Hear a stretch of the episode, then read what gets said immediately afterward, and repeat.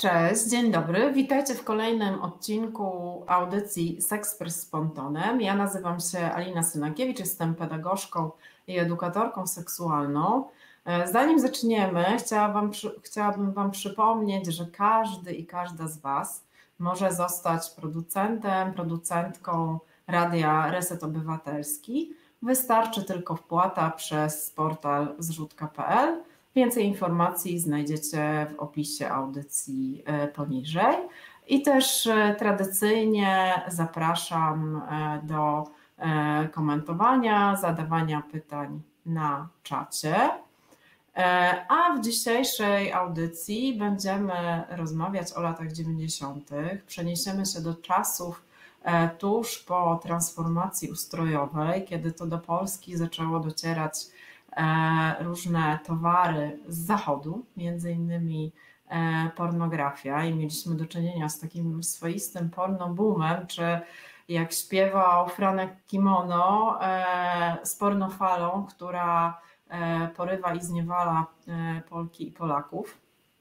I o tym wszystkim będziemy dzisiaj rozmawiać E, z moją rozmówczynią, czyli e, z Ewą e, Stusińską, która obroniła doktorat o pornografii literackiej na Uniwersytecie Warszawskim. Ewa jest autorką książek Dzieje grzechu, dyskurs pornograficzny w polskiej prozie XX wieku oraz książki Miła Robótka, Świerszczyki, Harlekiny i Porno z satelity. Ewa także prowadzi bloga porno-grafia.pl. E, witaj Ewo i też e, chciałam Ci bardzo podziękować, że znalazłaś czas i że zgodziłaś się na udział e, w audycji. Cześć Alino, dzień dobry Państwu, bardzo dziękuję za zaproszenie. Tak, ja już też, też witam Państwa, bo tutaj widzę, że już są takie pierwsze powitalne komentarze. Dzień dobry. E, zanim zaczniemy mówić o latach 90., to chciałam Cię zapytać, jak to się w ogóle stało, że zaczęłaś się naukowo zajmować właśnie pornografią? E, zawsze trudno jest odpowiedzieć na to pytanie tak, e, tak uczciwie i wyczerpująco, bo co prawda słyszę je praktycznie za każdym razem, jak udzielam wywiadu. I za każdym razem, gdy gdzieś na imprezie wspominam, czym się zajmuję, ale tak, żeby nasycić ten temat, nie jest to łatwe, bo najpierw musiałabym zacząć od tego, że kiedy zaczęłam się w ogóle interesować pornografią, a zaczęłam oczywiście tak jak w zasadzie każda dojrzewająca osoba e, i raczej mm, rozwijając się gdzieś w czasach, kiedy e, internet w Polsce dopiero raczkował, e, komórek jeszcze nie było, więc ta pornografia, która była dla mnie dostępna, to była pornografia przede wszystkim literacka, czyli coś, co można było sprzedawać, bo pod płaszczykiem literatury pięknej można było powiedzieć więcej. I ja pamiętam jakieś pierwsze takie bardziej pulpowe książki, które sobie gdzieś tam z koleżankami pod ławką e, przekazywałyśmy. Potem oczywiście trafiłam na jakieś bardziej, bardziej taką wysoko artystycznie literaturę. Mm, I na studiach jakby ta fascynacja mnie nie opuszczała. To znaczy, rzeczywiście zwróciłam uwagę na taki ogromny rozdźwięk, jaki jest między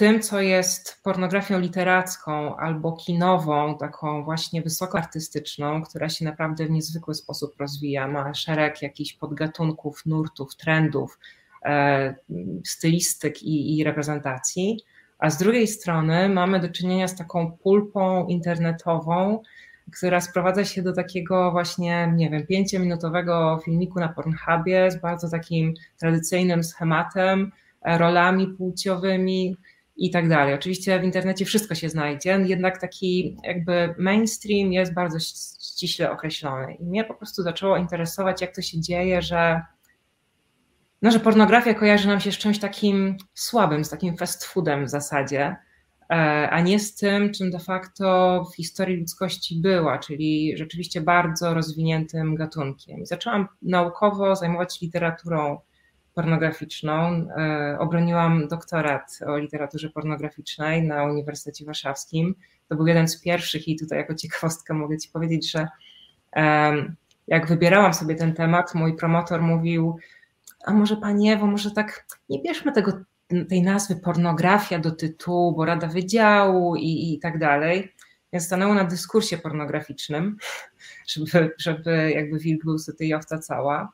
E, ale już wtedy takie mm, naukowe zajmowanie się tematem jak pornografia było czymś dziwnym, jakby do tej pory jest. E, a ja stwierdziłam, że jest to jakby tak mm, powszechny, ważny gatunek, że kurczę, to aż dziwne, że nie ma o tym jakichś dobrych prac, e, dobrych analiz. I, I tak zaczęło się od właśnie pornografii literackiej, a potem jak to zwykle bywa, no Kinsey e, zaczynał, ten słynny Kinsey od raportu Kinseya, e, czy Państwo wiedzą, zaczynał od badania muszek owocówek. Mhm.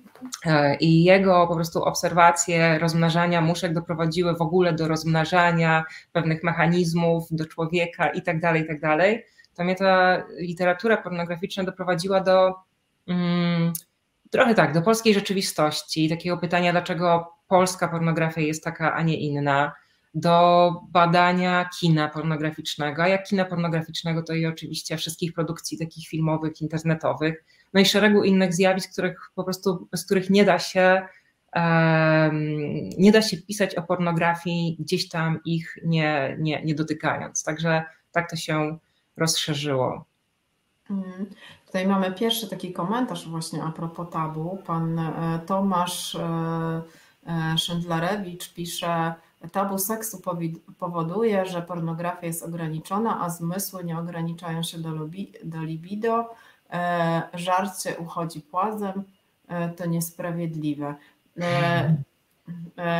Tak, no powiedziałeś, że u Ciebie było od, od, od właśnie tej, tej literatury wysokiej e, do, do takiej, tak jak to nazywasz, no tej pornopulpy, e, z którą mieliśmy do czynienia e, w latach 90., czy właściwie to się zaczęło w latach 90. No i powstała Twoja książka, o której właśnie głównie dzisiaj będziemy mhm. rozmawiać. Miła robótka, świerszczyki, harlekiny, E, i porno z satelity. Poprosimy o pokazanie okładki. E, mam tutaj rekwizyt stosowny, bardzo proszę. E, tak, mamy w dwóch wersjach. Ja mhm. muszę, muszę powiedzieć, że, że w ogóle lektura Twojej książki mi sprawiła ogromną przyjemność. Też dlatego też Cię zaprosiłam do audycji. I też, no, przede wszystkim oczywiście dlatego, że ta książka jest świetnie napisana, mhm. ale też trochę było tak, że to była dla mnie taka E, w pewnym sensie podróż e, sentymentalna, bo ja też dorastałam w latach 90. E, I też pamiętam te czasy, taką tak, moją taką naiwną radość na te wszystkie kolorowe produkty, mm -hmm. które przychodziły z zachodu. Byłam takim właśnie dzieckiem, które marzyło o jeansach i Coca-Coli. I, I doskonale pamiętam też te, ten moment, kiedy mm, z prawie każdego kiosku ruchu E, z mhm. witryny kiosku ruchu mhm. uśmiechała się jakaś roznegliżowana pani, więc ja to do, doskonale pamiętam. Mhm. E, no i też oczywiście pornografię w, w też w, w, telewizji e, satelitarnej i tak dalej. Chciałam Cię zapytać, bo też właśnie piszesz o tym, o tym w, w książce, jak, jak w ogóle do tego doszło, że ta, jakie czynniki sprawiły, że jakieś obyczajowe, prawne, że w ogóle ta ta, ta pornofala w ogóle mogła mieć miejsce e, w tej e, mhm. Po, znaczy takiej posttransformacyjnej Polsce. Mhm. Mhm. To jest właśnie dosyć fascynujący temat, gdy uświadomiłam sobie, że o ile w większości krajów zachodnich, których pornografię zazwyczaj konsumujemy, nie było takiej cenzury, kiedy pornografia powstała, bo ona towarzyszyła ludzkości od, od zawsze. Jakby pierwsze jakieś e, kamienne dilda znajdu, znajdujemy i datujemy na okres wcześniejszy niż wynalazek rolnictwa. E, natomiast w Polsce oczywiście pornografia też pod różnymi postaciami się pojawiała, natomiast ten okres takiego, mm, takiej nasilonej dystrybucji związany z filmem pornograficznym, e, coś co Linda Williams tak dosyć szczegółowo analizuje, w Polsce był ograniczony przez aparat państwowy, bo Polska socjalistyczna była mm, państwem o wysokich standardach moralnych, jak głosiła, i właśnie te standardy moralne przeciwstawiała Zachodowi, czyli troska o, e, o moralność jednostki czy rodziny zakładała, że cenzurowano wszelkie treści właśnie dekadenckie, kojarzone ze zgniłym zachodem i tak dalej. I to było dosyć łatwe, ponieważ państwo miało, mm, państwo nie tylko regulowało to ustawowo, ale posiadało w zasadzie wszystkie sznurki, e, które sprawiały, że nie można było, nie wiem, sprzedać papieru na rzecz produkcji magazynów pornograficznych, nie można było sprzedać taśmy filmowej, bo w zasadzie ten monopol e, państwa i partii sprawiał, że ta kontrola była totalna. I dlatego mm, materiały pornograficzne w Polsce, jeżeli się pojawiały, pochodziły z przemytu. I to przemytu no owszem, to się zdarzało gdzieś tam na pokładach statków czy, czy po bagażnikach samochodów, że przewożono te kasety z, z RFN-u. Natomiast to była na, na taką skalę, to była dosyć mała skala. To próbowano gdzieś tam na granicach zatrzymywać, celnicy byli na to uczuleni i tak dalej, i tak dalej. Więc jak w 1989 roku e, obrady Okrągłego Stołu mm, zniosły cenzurę, domyślę cenzurę polityczną, no to potraktowano to również jako zniesienie cenzury obyczajowej i wtedy również w związku z różnymi ustrojami, zmianami gospodarczymi, które się e, działy, czyli mm, e, ustawą Wilczka, która zgodziła, jakby zezwalała na, mm, na prywatną przedsiębiorczość, nagle po prostu w ciągu, w ciągu zaledwie kilku, kilkunastu miesięcy to, co było wcześniej zakazane i nie mogło sobie swobodnie krążyć w Polsce, wlało się po prostu taką falą. I to jest fenomenalne, że o ile ten 89 rok jest taką powiedzmy umowną cezurą dla wielu treści, dla wielu rzeczy, to jakby przyjmujemy, że ten 89 rok coś zmienił, ale pewne procesy zarówno wydarzyły się wcześniej, jak i działały później. Natomiast w przypadku pornografii faktycznie było tak, że w momencie, kiedy cenzura padła, to Polskę zalała pornografia. I ja, ja pamiętam początki lat 90., słabo, ale pamiętam, ale gdy zaczęłam badać materiały do książki i zdałam sobie sprawę, że w latach 90. w Polsce wychodziło ponad 80 magazynów pornograficznych. Nie tylko e, takich właśnie tytułów z zachodu tłumaczonych na polski, jak Playboy czy Cats, który był, pamiętam, moi, moi wszyscy koledzy się zachwycali Catsem, ale takich polskich produkcji, takich magazynów w jakichś dziwnych nazwach jak Erotyczny Donosiciel, seksrety, e, które były w ogóle wpadką e, typograficzną. No i szereg po prostu naprawdę kuriozalnych tytułów, które były sprzedawane, ponieważ w Polsce był tak ogromny głód na goliznę. Czyli jeżeli pojawiała się goła baba i jakiś tam erotyczny e, tytuł, to szansa na to, że magazyn sprzeda się w jakichś po prostu horrendalnych nakładach było więcej niż pewne. Tak, właśnie ten magazyn, o którym wspomniałam, Seksrety, Mm, założyło dwóch przyjaciół z Koszalina, którzy e, wypuścili go w nakładzie 100 tysięcy egzemplarzy, co nam się dzisiaj prawie że w głowach nie mieści. Prawie nic tam nie mieli poza oczywiście czarno-białymi, gołymi babami i sprzedali 100 tysięcy egzemplarzy. Pierwszy, drugi, trzeci numer. I tak powstała ta, tak się rozwinęła ta gazeta. Także mm, wracając do Twojego pytania, ustawodawstwo trzeciej RP nie nadążało za tymi zmianami, które się działy. Jakby jeszcze się ten realny socjalizm nie skończył, realny kapitalizm już był całkiem realny, natomiast ustawodawstwo nie nadążało i e, państwo nie chciało wprowadzać cenzury, bo cenzura kojarzyła się z poprzednim ustrojem. Także panowało trochę takie dziwne Eldorado, taki trochę dziwny, e, dziwny, dziki wschód tutaj się dział. I dopiero z czasem zaczęto pewnym e, fenomenom kultury bardziej się przyglądać i za, za, zaczęto je mm, w drugiej połowie lat 90. ograniczać. Ale zanim to się wydarzyło, no było to dosyć zaskakujące. Mhm. Tutaj pani Katarzyna Zaręba-Niedźwiecka tak chyba jest zaintrygowana tytułem twojej książki. Harlekiny mhm. mają w sobie wątki erotyczne. Myślałam, że to tkliwe masidła, więc może opowiedz o tych właśnie erotycznych Jasne. harlekinach. No właśnie, to jest zaskakujące, e, ponieważ harlekiny oczywiście mi też się kojarzyły z całymi bułkami u moich ciotek. E, moja mama akurat nie czytała, ale ja po prostu widywałam te, te, te książeczki. I gdy zaczęłam im się przyglądać, bo zresztą był taki podział, że mężczyźni oglądają pornografię, kobiety czytają erotykę, że to jest takie proste, mm, kobiety są z Wenus, mężczyźni z Marsa e, i tak dalej. Natomiast mm, nie do końca odzwierciedlało to jakieś moje obserwacje, bo jakby statystyki wskazują, że Polki konsumują pornografię w mniejszej skali niż mężczyźni. W ogóle kobiety konsumują pornografię.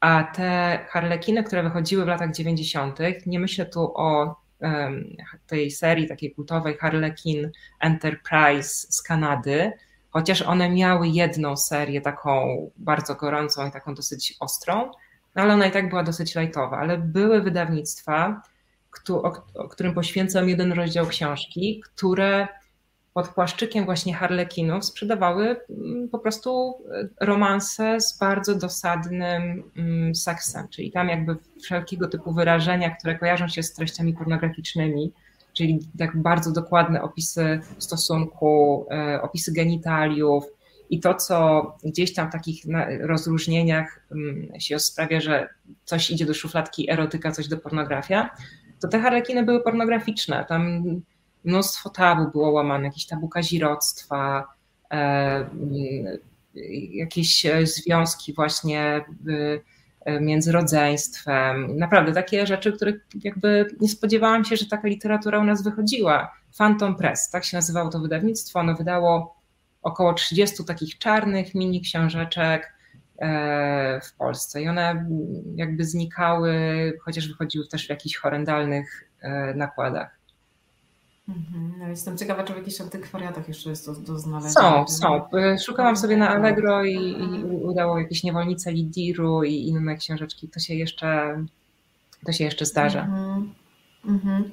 E, ten porno boom to też e, seks shopy, które powstawały mhm. jak grzyby po deszczu. I ja też pamiętam e, powstanie pierwszego seks shopu w moim rodzinnym mieście, takim stutysięcznym w Grudziądzu.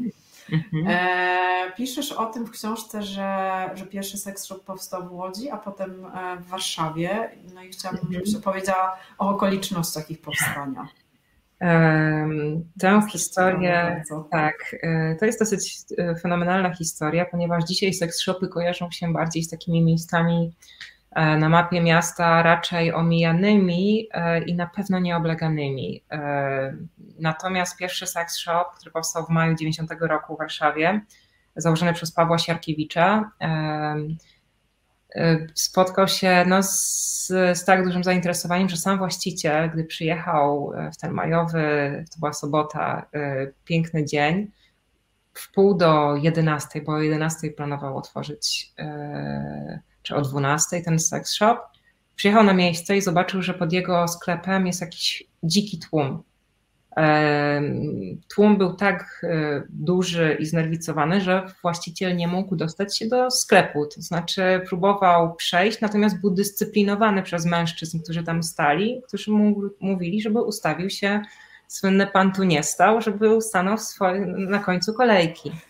Dopiero gdy otrzeźwiał, w sensie zdał sobie sprawę z tego, że oni naprawdę czekają na otwarcie seks shopu, powiedział, że on jest właścicielem. Więc seks shop otworzył, e, sprzedał wszystko e, w bardzo szybkim tempie. E, dzwonił do swojego hurtownika do Niemiec, ale okazało się, że zanim towar zostanie skompletowany, to zajmie jakiś czas, więc nie mógł sobie pozwolić na tak długi odstęp, więc wsiadł do samochodu, pojechał do tego hurtownika, dokładnie do dwóch sklepów, które miał, wykupił cały asortyment, przywiózł go do Polski i sprzedawał. Także jakby to były no, takie gorące bułeczki i pomimo tego, że zastanawiał się, czy takie towary w ogóle, jakieś sztuczne pochwy, które w ogóle na granicy trzeba było jakoś dziwnie clić, bo nie było takich pozycji w ogóle. E, opowiadał, że, że właśnie niektóre towary clono właśnie sztuczne waginy jako protezy ucha, no bo jakoś trzeba było to, to określić. Mm, po prostu przez taki, mm, takie zainteresowanie nowością i takie po prostu taką estymę, jaką darzono wszystkie towary, które przychodziły z zachodu i nawet były największymi śmieciami. Przecież my kolekcjonowaliśmy puszki po napojach gazowanych. Dzisiaj to są śmieci. Natomiast e, plakaty, jakieś e, gazet, katalogi mm, sklepów, e, jakichś dużych sklepów, tak, jakby gazetki, tak. Pamiętam takie no. katalogi jakieś takie duże z różnymi towarami, że to był jakiś mm, luksusowy produkt wtedy. Natomiast teraz oczywiście to są śmieci. I tak samo było z różnymi treściami pornograficznymi. Mhm. Ja kolekcjonowałam na przykład opakowania od czekolady. No właśnie, luks, kiedyś luksusowy w ogóle szata graficzna, ten rodzaj papieru, to wszystko było po prostu fantastyczne, a dzisiaj po prostu tak, tak, albo jeszcze się wystawiało e, puste opakowania na przykład po jakichś dezodorantach, nie? Taka była -hmm, wystawka mm -hmm, na, mm -hmm. na tych takich tak. Tak, tak, tak, tak. Mm, tak myślę sobie, że, że, że żeby oddać też ducha epoki, to też ważne, żebyśmy powiedziały o takim zjawisku, które miało miejsce w latach 90., tak jakby z, powiedzmy z drugiej strony barykady. Mianowicie no to były takie czasy tak ugruntowania pozycji Kościoła katolickiego, który zresztą mhm. tak naprawdę zawsze miał w Polsce wysoką tak, pozycję, tak. ale tutaj myślę, że ten mariaż państwa i Kościoła tak e, bardzo mm, e, no, się tak umocnił właśnie w tych mhm, latach 90 co też e, no, wyrazem tego między innymi była wprowadzenie w 1993 e, ustawy e, antyaborcyjnej. No i też Kościół zawsze był taką instytucją, która mm, jakoś represjonowała seksualność, czy, czy w ogóle mhm, jakoś mm -hmm. seksualność, cielesność. Tak. Dużo było tej, tej, tej kontroli. E, no i też piszesz o tym, że ta, ta no właśnie, ta, ta, ta pornofala też nie mogła ujść uwadze osobom związanym z kościołem, czy katolickim, czy w ogóle z katolicyzmem. I piszesz mhm. o tym we fragmencie o tak zwanych wojnach kioskowych. Co to były te wojny kioskowe? Ja to tak określiłam, ponieważ w pewnym momencie zdumiałam się, jak czytając sobie prasę z tego okresu, zwróciłam uwagę, że takie renomowane tytuły jak Rzeczpospolita czy Gazeta Wyborcza przywiązują jakoś niewspółmiernie dużo uwagi um, wydarzeniom w Polsce, początkowo w Białymstoku, bo tam to się zaczęło, e, tak przynajmniej e, te, te, te notki informują, a potem w skali całego kraju o tym, że różne różni mężczyźni, bo to zawsze byli mężczyźni, z różnych mm, około kościelnych ugrupowań zaczęli, podjęli taką akcję uświadamiającą mm, drukarzy, nie drukarzy, właścicieli kiosków, że sprzedają, że dystrybuują pornografię. E, I chodziło o to, że pornografia oficjalnie była w Polsce nielegalna i no, jakby jeszcze obowiązywał stary kodeks y, PRL-owski, który zakazywał pornografii, natomiast nikt tego jakby nikt się tego, nikt tego nie stosował. No ale mm, polscy dystrybutorzy czy polscy producenci pornografii nazywali te swoje magazyny, te swoje filmy, którymi handlowali erotyką. Natomiast y, ludzie z różnych organizacji, właśnie takim właśnie z Młodzieży Wszechpolskiej, która wtedy już istniała e, i innych jakichś takich mniej znanych nazw, zaczęli walczyć z pornografią. Po prostu chodzić do kioskarzy i mówić im, że jeżeli dany kioskarz nie skończy z dystrybuowaniem pornografii, to może coś go niemiłego spotkać. I gdy na łamach gazet ogólnopolskich zaczęły pojawiać się doniesienia o tych e, incydentach i mm, bez jakiejś takiej krytyki dotyczącej na przykład tego, do czego mamy tak naprawdę prawo, e, czy to jest pornografia, czy nie jest, co jest pornografią, tylko w zasadzie gazety ogólnopolskie poszły w takim kierunku e, zajmowania się dobrem dzieci. Tym, że przecież dzieci, które widzą okładki tych gazet e, w kioskach, mogą być narażone na kontakt z pornografią, co już jest ciężkim przestępstwem. Więc jak zaczęło to być e, wzmacniane i zaczęła nakręcać się taka spirala właśnie kolejnej paniki moralnej o tym, jak ta pornografia zagraża dzieciom, te ugrupowania zaczęły wzrastać na sile. I um, ludzie, którzy początkowo nie byli specjalnie znani czy kojarzeni, zaczęli te protesty organizować na większą skalę, zyskiwać poparcie kościoła, e, rozgłośni toruńskiej oczywiście.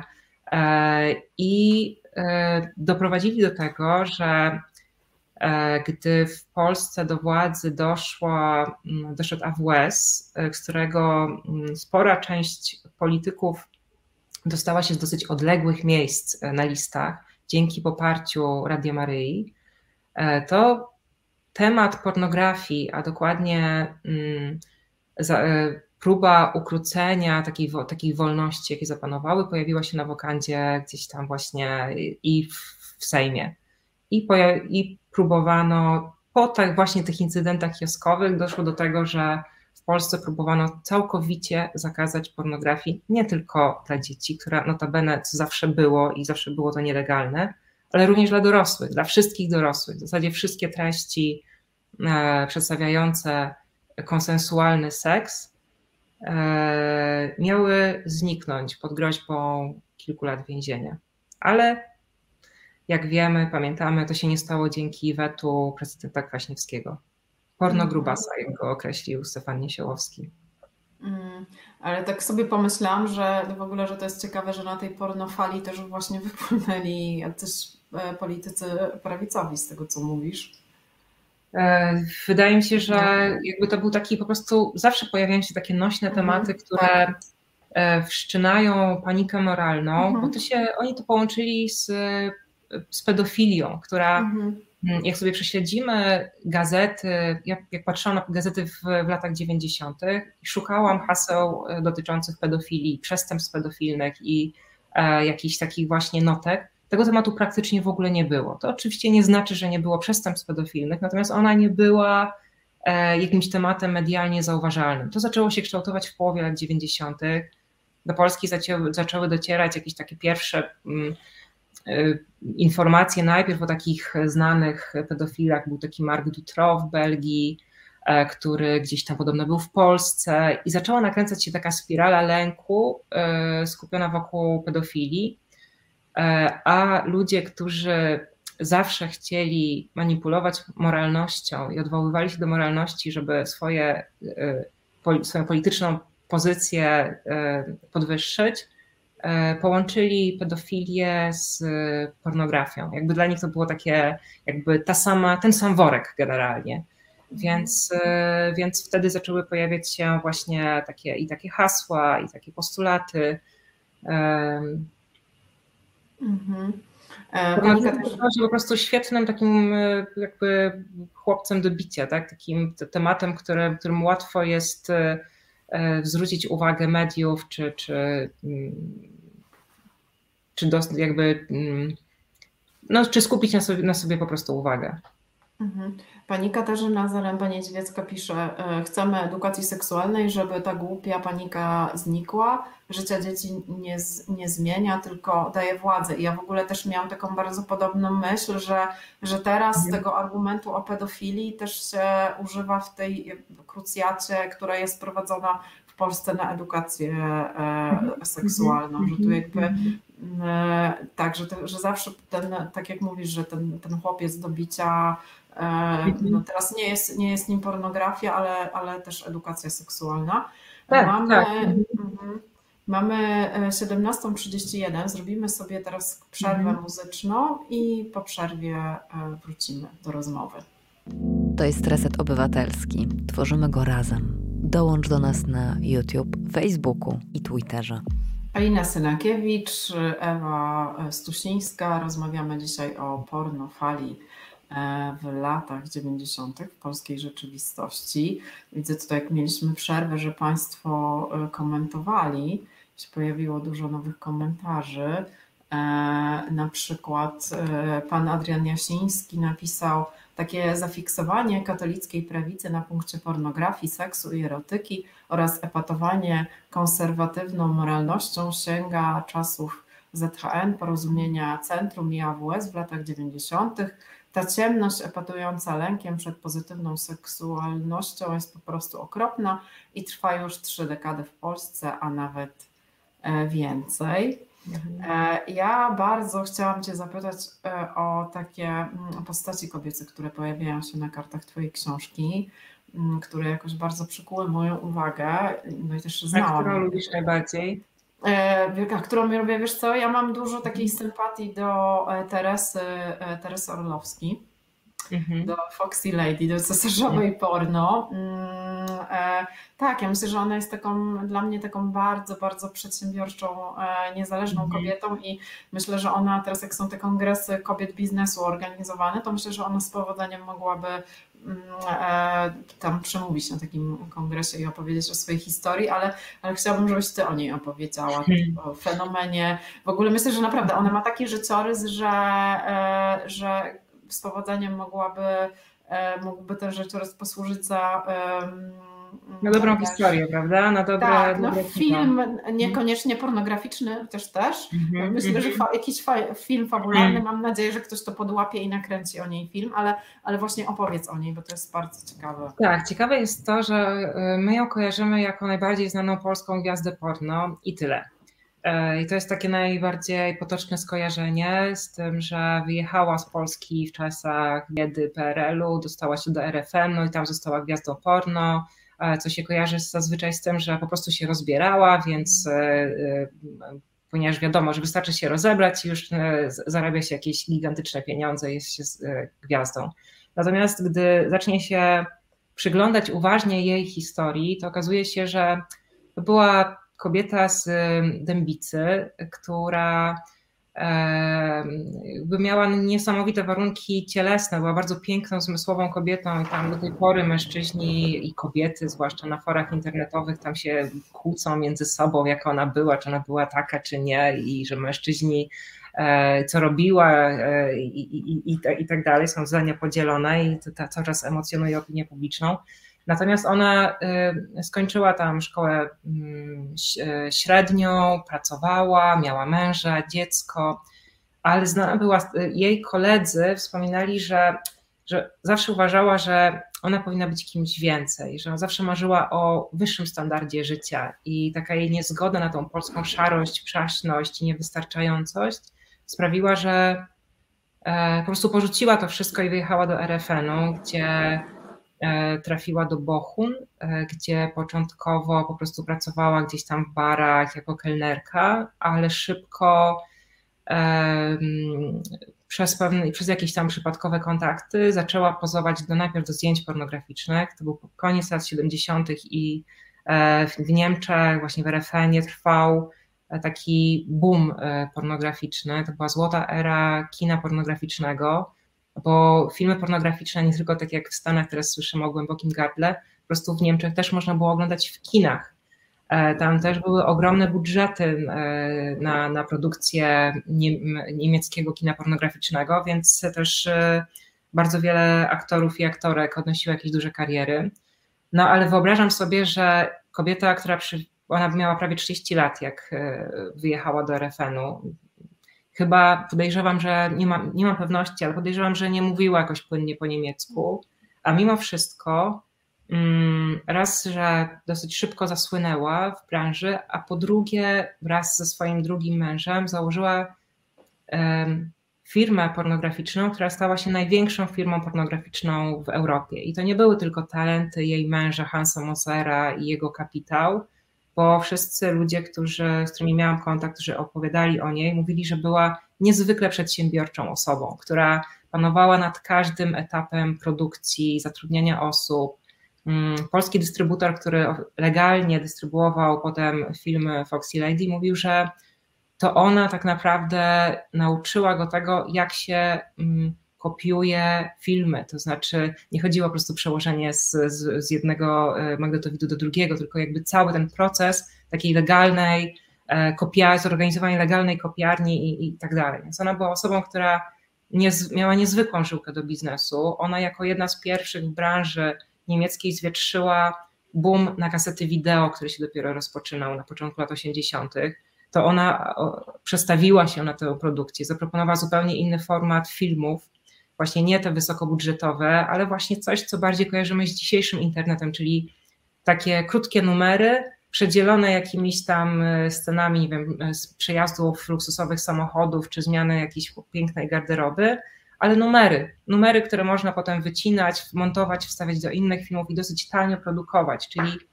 e, jakby niezależnie od jakości artystycznej, miała jakby świetne pomysły na prowadzenie firmy pornograficznej i ona rzeczywiście w latach 80. była barono, baronową pornografii, a studio e, produkcyjne, jakie miało, było bardziej zaawansowane niż w zasadzie jakikolwiek, jakakolwiek telewizja niemiecka w tamtych czasach. Więc, e, więc odniosła spektakularny sukces w latach 90. dzięki upadkowi żelaznej kurtyny mogła dalej e, się rozwijać i sprzedawać filmy, natomiast internet ją zjadł, to znaczy jakby nie dała sobie rady z internetem i potem się pojawiły jakieś machlojki finansowe i ona w tej chwili e, ukrywa się przed niemieckim fiskusem. Podobno w Hiszpanii e, widziałam jakieś jej zdjęcie przez paparazzi zrobione z pieskiem gdzieś tam. Wygląda bardzo, bardzo fajnie dalej, ale no niestety oficjalnie nie ma z nią żadnego kontaktu. Bardzo, bardzo chciałam z nią porozmawiać mm. i dalej jakby bardzo bym chciała, natomiast ona się po prostu ukrywa. Mhm. No, chciałam Cię zapytać jeszcze o jedną rzecz. E, no, jak, e, no właśnie, czy ona jest jakoś znana w Dębicy i w ogóle jest. Tak, tak. Jakby jest, jest, jest znana. E, lokalni dziennikarze, z którymi rozmawiałam, jakby ją świetnie kojarzyli. Wielu jej kolegów niezbyt dobrze ją pamięta, bo ona tak bardzo się w oczy nie rzucała, gdy chodziła do szkoły. Mm, tam mieszka jej brat, e, w tym samym mieszkaniu, w którym ona się wychowywała. Ten brat kiedyś udzielił wywiadu bodajże Super Expressowi w latach 90., jak jeszcze była taka duża moda na filmy pornograficzne i mm, takie duże media nie bały się informować, robić wywiadów, czy informować jakiś, e, nawet Gazeta Wyborcza robiła z Orlowski wywiad. E, to był wywiad z, z rodziną, natomiast e, e, teraz oczywiście jest to znacznie, znacznie trudniejsze. Mhm. No ja chciałam się Ciebie zapytać, no ona była taka przedsiębiorcza, niezależna, wyemancypowana, ale czy byś mi powiedziała, że była feministką? Nie, nie, nie, nie. Jakby w tym rozumieniu, w tym rozumieniu, w jakim myślimy teraz, czyli jakby pewna świadomość, zgodność z pewnym nurtem ideologicznym i takie zabieganie o równość płci na każdym jakby etapie, ona była przeciwniczką feminizmu. Znaczy ona uważała, że te różnice, jakie cechują kobiecość, są czymś, co sprawiają, że ona świetnie może manipulować mężczyznami, że ona nie potrzebuje równych praw, ponieważ e, ona może sobie pewne rzeczy jako ta lisica załatwić inaczej. Więc ona, ona dochodziła do swoich praw zupełnie innymi kanałami i to, był, to była jej strategia. Ja tego nie, nie krytykuję, bo e, była no niesamowicie przedsiębiorcza i sprawna. Natomiast nie miała żadnej świadomości. Jej feminizm kojarzył się z czymś nieatrakcyjnym, a ona chciała być po prostu atrakcyjną boginią, która jest tak doskonała i piękna, że manipuluje mężczyznami i ma, większe, ma dzięki temu większe wpływy niż większość kobiet. Dla niej feminizm był raczej, z tego co zrozumiałam w jej wywiadach, taką słabą drogą do wygranej. Mhm. E, ciekawe. Patrzę na zegar, mamy e, tak jak myślałam, nie wyczerpiemy wszystkich wątków, które chciałam poruszyć, mhm. więc będę, no tak, więc niestety z niektórych wątków zrezygnuję. Mhm. E, tak, to chciałam Ciebie zapytać, no bo mam tam drugą swoją, drugą moją ulubienicą, która się pojawia, to jest, to jest Ilwa mhm. Thompson, która mhm. zajmowała się, można powiedzieć, taką, e, czuje takie siostrzane uczucia do niej, bo ona mhm. się zajmowała też edukacją seksualną, tylko że na łamach właśnie gazety Cats, e, ale chyba nie będziemy dzisiaj o niej rozmawiać, bo ja chciałam też mm, porozmawiać o innej Polce, która się u Ciebie pojawia, czyli o, o Klaudii, Klaudii e, Figurze. Tak, o Klaudii Figurze, bo o ile właśnie mam takie, jakieś takie mm, wyobrażenie, że zarówno Teresa Orlowski, jak i, e, jak i Ilva Thompson, że to były takie e, kobiety, które właściwie były w jakimś sensie dumne ze, swojego, e, ze mhm. swojej pracy, że na pewno się jej nie wstydziły, że były jakieś mhm. takie pewne siebie, miało takiej, dużo takiej sprawczości. Natomiast Klaudia Figura, która mm, w, no, w 2002 roku pobiła ten seksualny mhm. rekord świata, no no, no takie mam wrażenie i tak też, mm, też miałam wrażenie po, po lekturze Twojej książki, bo też pamiętam to wydarzenie, jakim był ten mm. seksualny rekord e, no. świata, że ona w jakimś sensie no, była wykorzystaną osobą, czy też padła mhm. ofiarą też takiego slut shamingu, czy nawet właściwie takiego mhm. może auto slut shamingu, że sama jakby się zaczęła wstydzić tej, tego, mm, tej swojej pracy i, i też wiem, że ty pisałaś o tym, że, że chciałaś też z nią porozmawiać że to się nie mhm. udało. Że ona gdzieś, gdzieś też zniknęła. Wiesz co, próbowałam różnymi kanałami do niej dotrzeć. Wiem, że ona mieszka w Wiedniu, czy też pod Wiedniem, gdzie prowadzi z mężem jakiś klub. E, próbowałam właśnie różnymi kanałami przez jakichś znajomych, e, byłych współpracowników do niej docierać, natomiast e, nie było żadnego odzewu. I też bardzo trudno jest mi się odwoływać do tego, mm, co ona uważała o swojej karierze, bo ona nigdy nie udzieliła takiego wywiadu, którym nie miałabym zastrzeżeń, że w jakimś sensie jest czy to moderowany przez e, e, media mm, upupiające pracownice seksualne do roli po prostu ofiar, e, ani przeciwnie, nie jest po prostu moderowana przez właściciela wydawnictwa czy, czy, czy innych mężczyzn, z którymi współpracuje, którzy jakby mm, do, jakby domagają się mówienia o pracy seksualnej tylko w superlatywach, że po prostu, że nie wiem, zaspokajanie 600 facetów jest super frajdą i, i że to uwielbia robić tak naprawdę. Więc nigdy nie dotarłam do takiego, do takiego wywiadu, którym do jej słów, które, do których nie miałabym wątpliwości, a tych wywiadów nie udzieliła znowu aż tak wielu. Także ja mogę tylko gdybać i e, zajmować, analizować e, to, jak ona była odbierana w Polsce. I to jest dla mnie jakiś fenomen, bo e, kobieta, która ustanowiła rekord, czyli de facto uprawiała seks z ponad 600 mężczyznami, musiała się jakby, jakby ona jest obwiniana za jakąś właśnie slut shamingowana i traktowana jako po prostu niemoralna a nie ci mężczyźni, którzy zorganizowali ten rekord, którzy przyszli i czasem w torbach na głowie mhm. e, brali udział w tym rekordzie, czy cała ekipa filmowa, która tam była, cała ekipa e, dziennikarska z najróżniejszych, również takich mainstreamowych mediów, która sprawozdawała z tego wydarzenia. I oczywiście ci wszyscy mężczyźni, którzy oglądają potem sobie ten, ten rekord, który jest dostępny w sieci i e, E, i się masturbują do tego, do tego nagrania, by potem pod, w komentarzach e, po prostu dać upust, upust jakiegoś, jakiejś nienawiści do tej, do tej osoby. I po prostu analizuję w tej książce to zjawisko jako po prostu takie typowo, no może to nie jest typowo polskie, ale jednak jakby fenomenalny, jakiś, jakiś nasz fenomen po prostu hipokryzji, która sprawia, że konsumujemy pornografię na potęgę, jesteśmy 13 mm, krajem na świecie, jeżeli chodzi o konsumpcję pornografii wedle statystyk Pornhuba, e, a jednocześnie nasz stosunek do pracownic seksualnych, do pracy seksualnej, do pornografii, taki wyrażany oficjalnie, jest tak szalenie krytyczny, e, pełen nienawiści, pogardy, wyższości i innych e, ocen. I to jest dla mnie po prostu no, coś, coś po prostu fenomenalnego. Mhm. Wiesz, ja sobie myślę, że, że tak, że to, to jest też być może jakieś pokłosie też z jednej strony wpływu Kościoła katolickiego, a z drugiej też tego, że nie mamy edukacji seksualnej. I, Wiesz co, i też... ja wejdę Ci w mhm. słowo, przepraszam, bo ja zawsze słyszę to hasło Kościół katolicki, mm -hmm. ale jeżeli, ale mamy kilka innych krajów, w których pozycja mm -hmm. Kościoła katolickiego jest super y, ważna i ludzie mm -hmm. określają się jako praktykujący katolicy, weźmy Hiszpanię, mhm. a tam jakby przemysł pornograficzny, zwłaszcza jakieś alternatywne porno, które się rozwija, rozwija się świetnie. Tam mamy naprawdę przedstawicie, przedstawicielki różnych, e, e, różnych firm producenckich, pornograficznych i mamy e, zupełnie inne praktyki seksualności, jakby taką dużo jawniej, radośniej praktykowaną seksualność. Więc ja odrzucam ten kościół. Jakby moim zdaniem to jest niesatysfakcjonujące wyjaśnienie. Bardziej zdecydowanie skłaniam się ku edukacji seksualnej. No, myślę, że edukacja seksualna to jedno i też myślę, że rola ruchu feministycznego i sytuacji kobiet i też e, tak zmierzamy do mojego takiego pytania związanego też z tym, czy e, no właśnie, czy porno może być feministyczne, no bo, -hmm. e, no bo tak, Teresa Orlowski produkowała porno, ale no byśmy raczej nie, nie powiedziały, że to było, nie było mhm. feministyczne. To e, jakie muszą być czynniki spełnione, żeby uznać, że film pornograficzny jest feministyczny? Czy chodzi o to, jakie tam treści są, czy, czy, czy o coś innego?